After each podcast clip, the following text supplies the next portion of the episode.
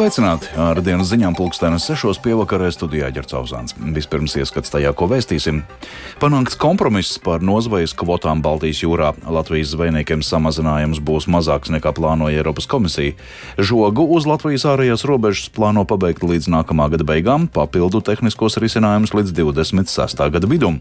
Gazas joslā joprojām kritiski trūkst pārtiks un dzeramā ūdens. Izraels armija turpina gatavoties iebrukumam Gazā.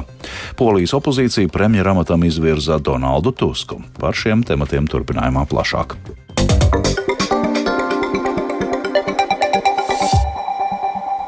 Eiropas Savienības valstu pārstāvji pagājušā naktī vienojušies par jaunām nozvejas kvotām Baltijas jūrā. Izdevies panākt mazāku nozvejas samazinājumu nekā iepriekš rosināja Eiropas komisija. Arī Eiropas Savienības vides komisārs Virginijs Sinkevičs atzīst, ka lēmumu par jaunām nozvejas kvotām nebija viegli pieņemt. Zivis Baltijas jūrā ietekmē ne tikai zveja, bet arī bēdīgie ekoloģiskie faktori. Today's decision wasn't taken easily. Šīs dienas lēmums netika pieņemts nec viegli, nec vienkārši, bet uz mums gulstas atbildība noteikt zvejas iespējas tādā līmenī, kas palīdzētu krājumiem atjaunoties, lai no tā iegūtu mūsu zvejnieki un piekrastes iedzīvotāji. Tomēr krājuma atjaunošanai ir nepieciešama arī aktīva rīcība, lai risinātu bēdīgo vides stāvokli Baltijas jūrā. Tā sastopas ar daudziem vides izaicinājumiem, kas rodas no eitrofikācijas un pieaugošās jūras temperatūras, ko izraisa klimata pārmaiņas. Saimnes budžeta un finanšu komisija plāno hipotekāro kredītņēmēju aizsardzībai domātajos grozījumos patērēta tiesība aizsardzības likumā paredzēt arī hipotekārā kredītņēmēju aizsardzības nodevu. Papildus 50% atlaidēja hipotekāro kredītu konsolidētajām procentu likmēm uz vienu gadu komisija rosina arī šādu kredītņēmēju aizsardzības nodevu, ko maksātu bankas. Budžeta komisija skaidro, ka naudu, ko iegūtu no nodevas, novirzītu kredītņēmēju atbalsta programmas finansēšanai, lai saktu nesamērīgo kredītu procentu maksājumu pieaugumu. Priekšlikuma paredz, ka gadījumā, ja kredītiestāde brīvprātīgi samazinās kredītprocentu likmi par 50%, nodeva tai nebūs jāmaksā. Budžeta komisija šodien izskatīja otriem lasījumam iesniegtos priekšlikumus, pēc nedēļas plāno par tiem diskutēt un balsot.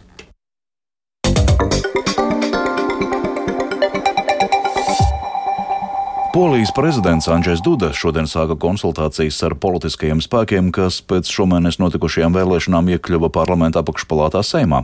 Pirmie pie Dudas ieradās politiķi no pašreiz valdošās Nacionāla konservatīvās partijas likums un taisnīgums, kas vēlēšanās ieguva visvairāk balsu, taču ar to nepietika absolūtajam vairākumam Seimā.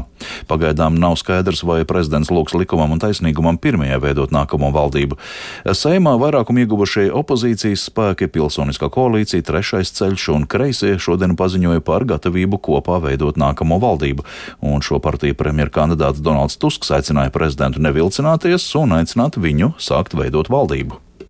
Jestem wielkim optimistą. Esmu liels optimists, neraugoties uz to, cik daudz emociju joprojām birmo ap mums un cik daudz sliktas informācijas nāk no varas nometnes. Es ceru uz konstruktīvu sadarbību ar prezidentu un ātru lēmumu pieņemšanu. Polijas iedzīvotāji gaida ātrus lēmumus. Mēs esam gatavi, un mēs to šodien apstiprinājām, strādāt smagi, jo cilvēki to no mums sagaida. Gāzes joslā valdošais palestīniešu teroristu grupējums Hamas ir atbrīvojis vēl divas ķilnieces, un kopējais atbrīvoto skaits tagad ir četri cilvēki. Gazā turpina ierasties kravas automašīnas ar humāno palīdzību, papildinot kritiski mazos pārtiks un ūdens krājumus. Palīdzības nozīmes skaidro organizācijas ārste bez robežām izpildirektore ASV Avril Benoā.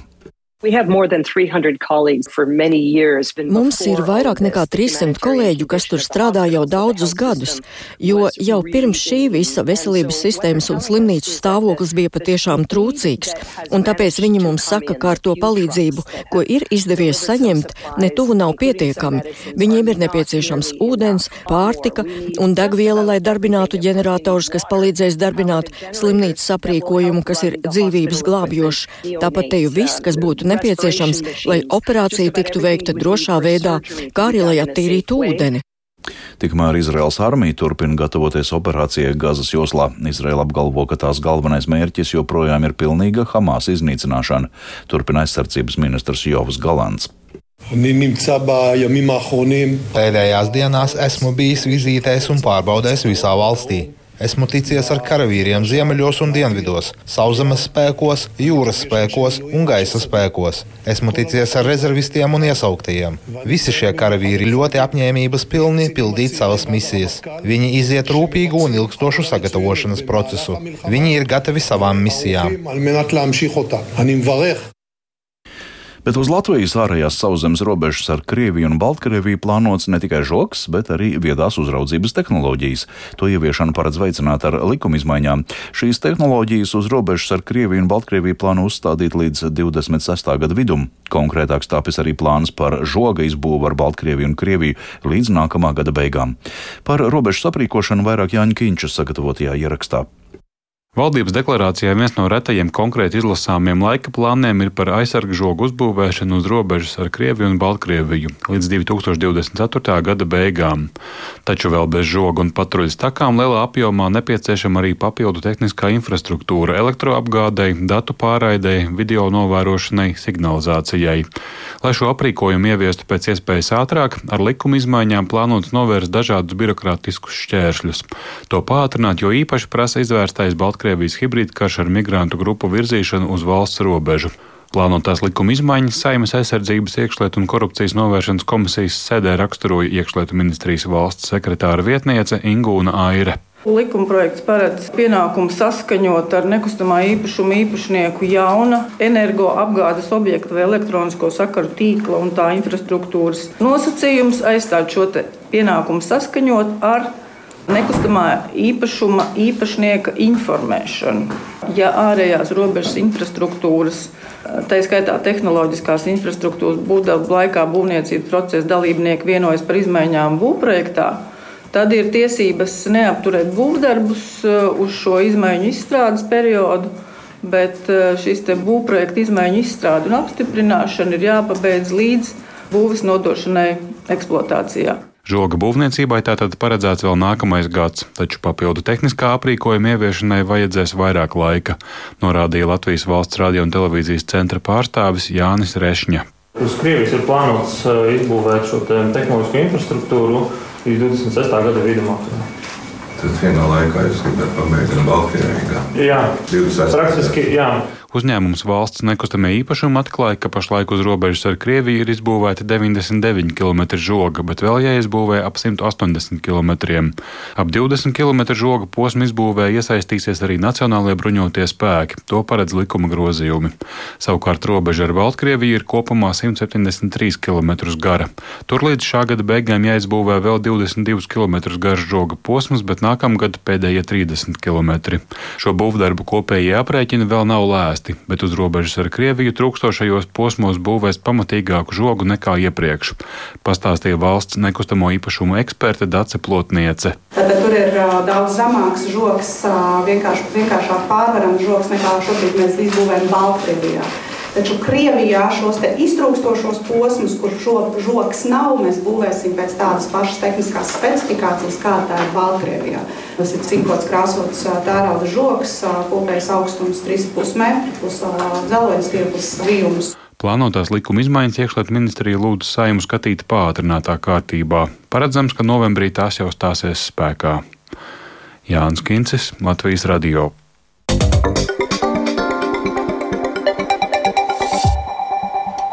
Rīgas domas vicemērs Edvards Ratnieks no Nacionālās apvienības vēlas ieviest jaunu tradīciju Latvijas dienā - svecīšu nolikšanu uzvaras parkā.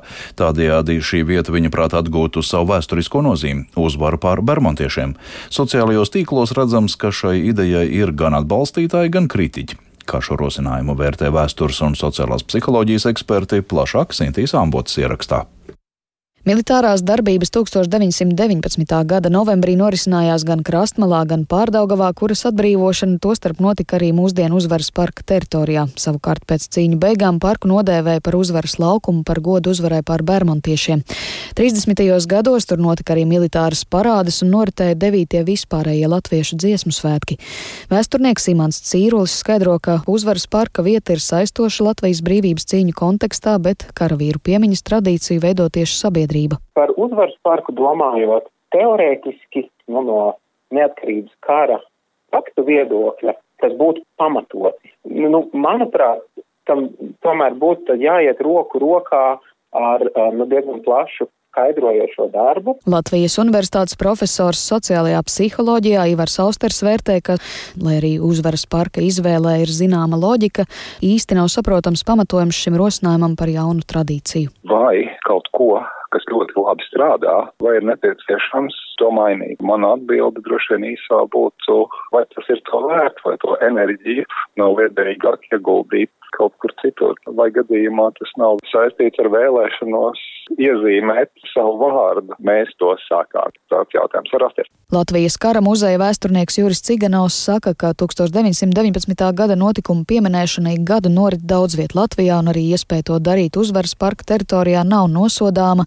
bet vienlaikus jānorobežojas no iespējamām provokācijām. Protams, ir mūsu sabiedrībā iegājies un tā fundamentāli iegājies tas, ka svecītas Rīgā tiek liktas Krasnovā, tāpēc, ka tā ir diezgan loģiska vieta, tā ir vieta, kurā notika kaujas. Un skaidrs ir tas, ka tad uzvaras parkā, kamēr tur atradās padomu okupēklis, nekas tam līdzīgs vienkārši nebija iedomājams. Ja.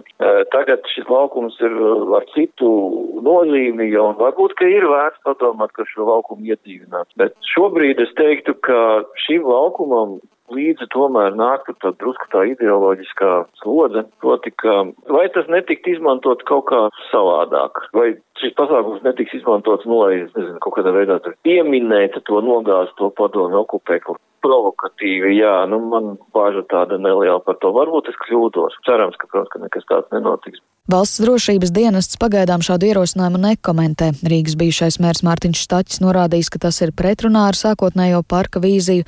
Tāpat sociālajos tīklos redzams, ka šai idejai ir gan atbalstītāji, gan kritiķi. Savukārt valsts prezidenta kancelējā informēja Rīgas doma lems aicināt iedzīvotājus Lačpleša dienā nolikt svecīts arī uzvaras parkā. Prezidents Edgars Rinkēvičs nedosies uz šo pasākumu, bet 11. novembra vakarā iedegs svecīti pie Rīgas pils smūra. Sinti Ambote, Latvijas radio. Ziņu programmas noslēgumā vēl par sportu. Starptautiskā basketbola federācija, jeb FIBA, šodien kara dēļ pārcēla Izraels sieviešu izlases spēles pret Latviju un Īriju Eiropas čempionāta kvalifikācijā. Maču pārcelti no novembra uz nākamā gada februāri. Izraels izlasē 12. novembrī Rīgā bija jāspēlē pret Latviju, bet trīs dienas agrāk mājās pret Īriju. Spēle pret Latviju tagad ieplānota 11. februārī. Latvijas sieviešu izlašu koordinators Edijs Eglītis sarunā ar Latvijas radio sacīja, ka pārceltā spēle radīs Latvijas basketbola basketbolas savienībai neplānots papildu izdevumus februārī. Tīri tehniski mums tas īsti neko nemaina, jo tāpat mums pirmā spēle bija izbraukumā, un mēs tā esam tehniski sagatavojušies.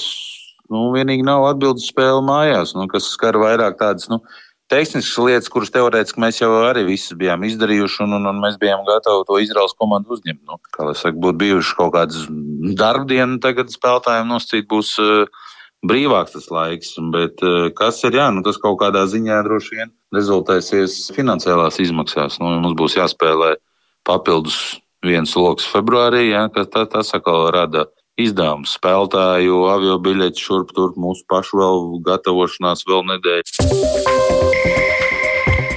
Izskan dienas ziņas sešos tās producēja Viktors Pupiks, par labskaņu rūpējās Kaspars Groskops un Kārls Rašmans studijā ģercauzāns. Vēl par svarīgāko panākts kompromiss par nozvejas kvotām Baltijas jūrā Latvijas zvejniekiem samazinājums būs mazāks nekā plānoja Eiropas komisija. Gāzes joslā joprojām kritiski trūkst pārtiks un dzeramā ūdens. Izraels armija turpina gatavoties iebrukumam Gazā. Yeah. Rīgā šobrīd 7 grādi, austrumu vējš 2 m2, atmosfēras spiediens 764 mm un relatīvais mitrums 93%. Naktī arī Latvijā būs mākoņdienas un vietām smidzinās neliels lietus, dažviet arī migla, bet vairāk par eh, turpmāk gaidāmiem laikapstākļiem stāsta sinoptiķi Ilas Golubēva.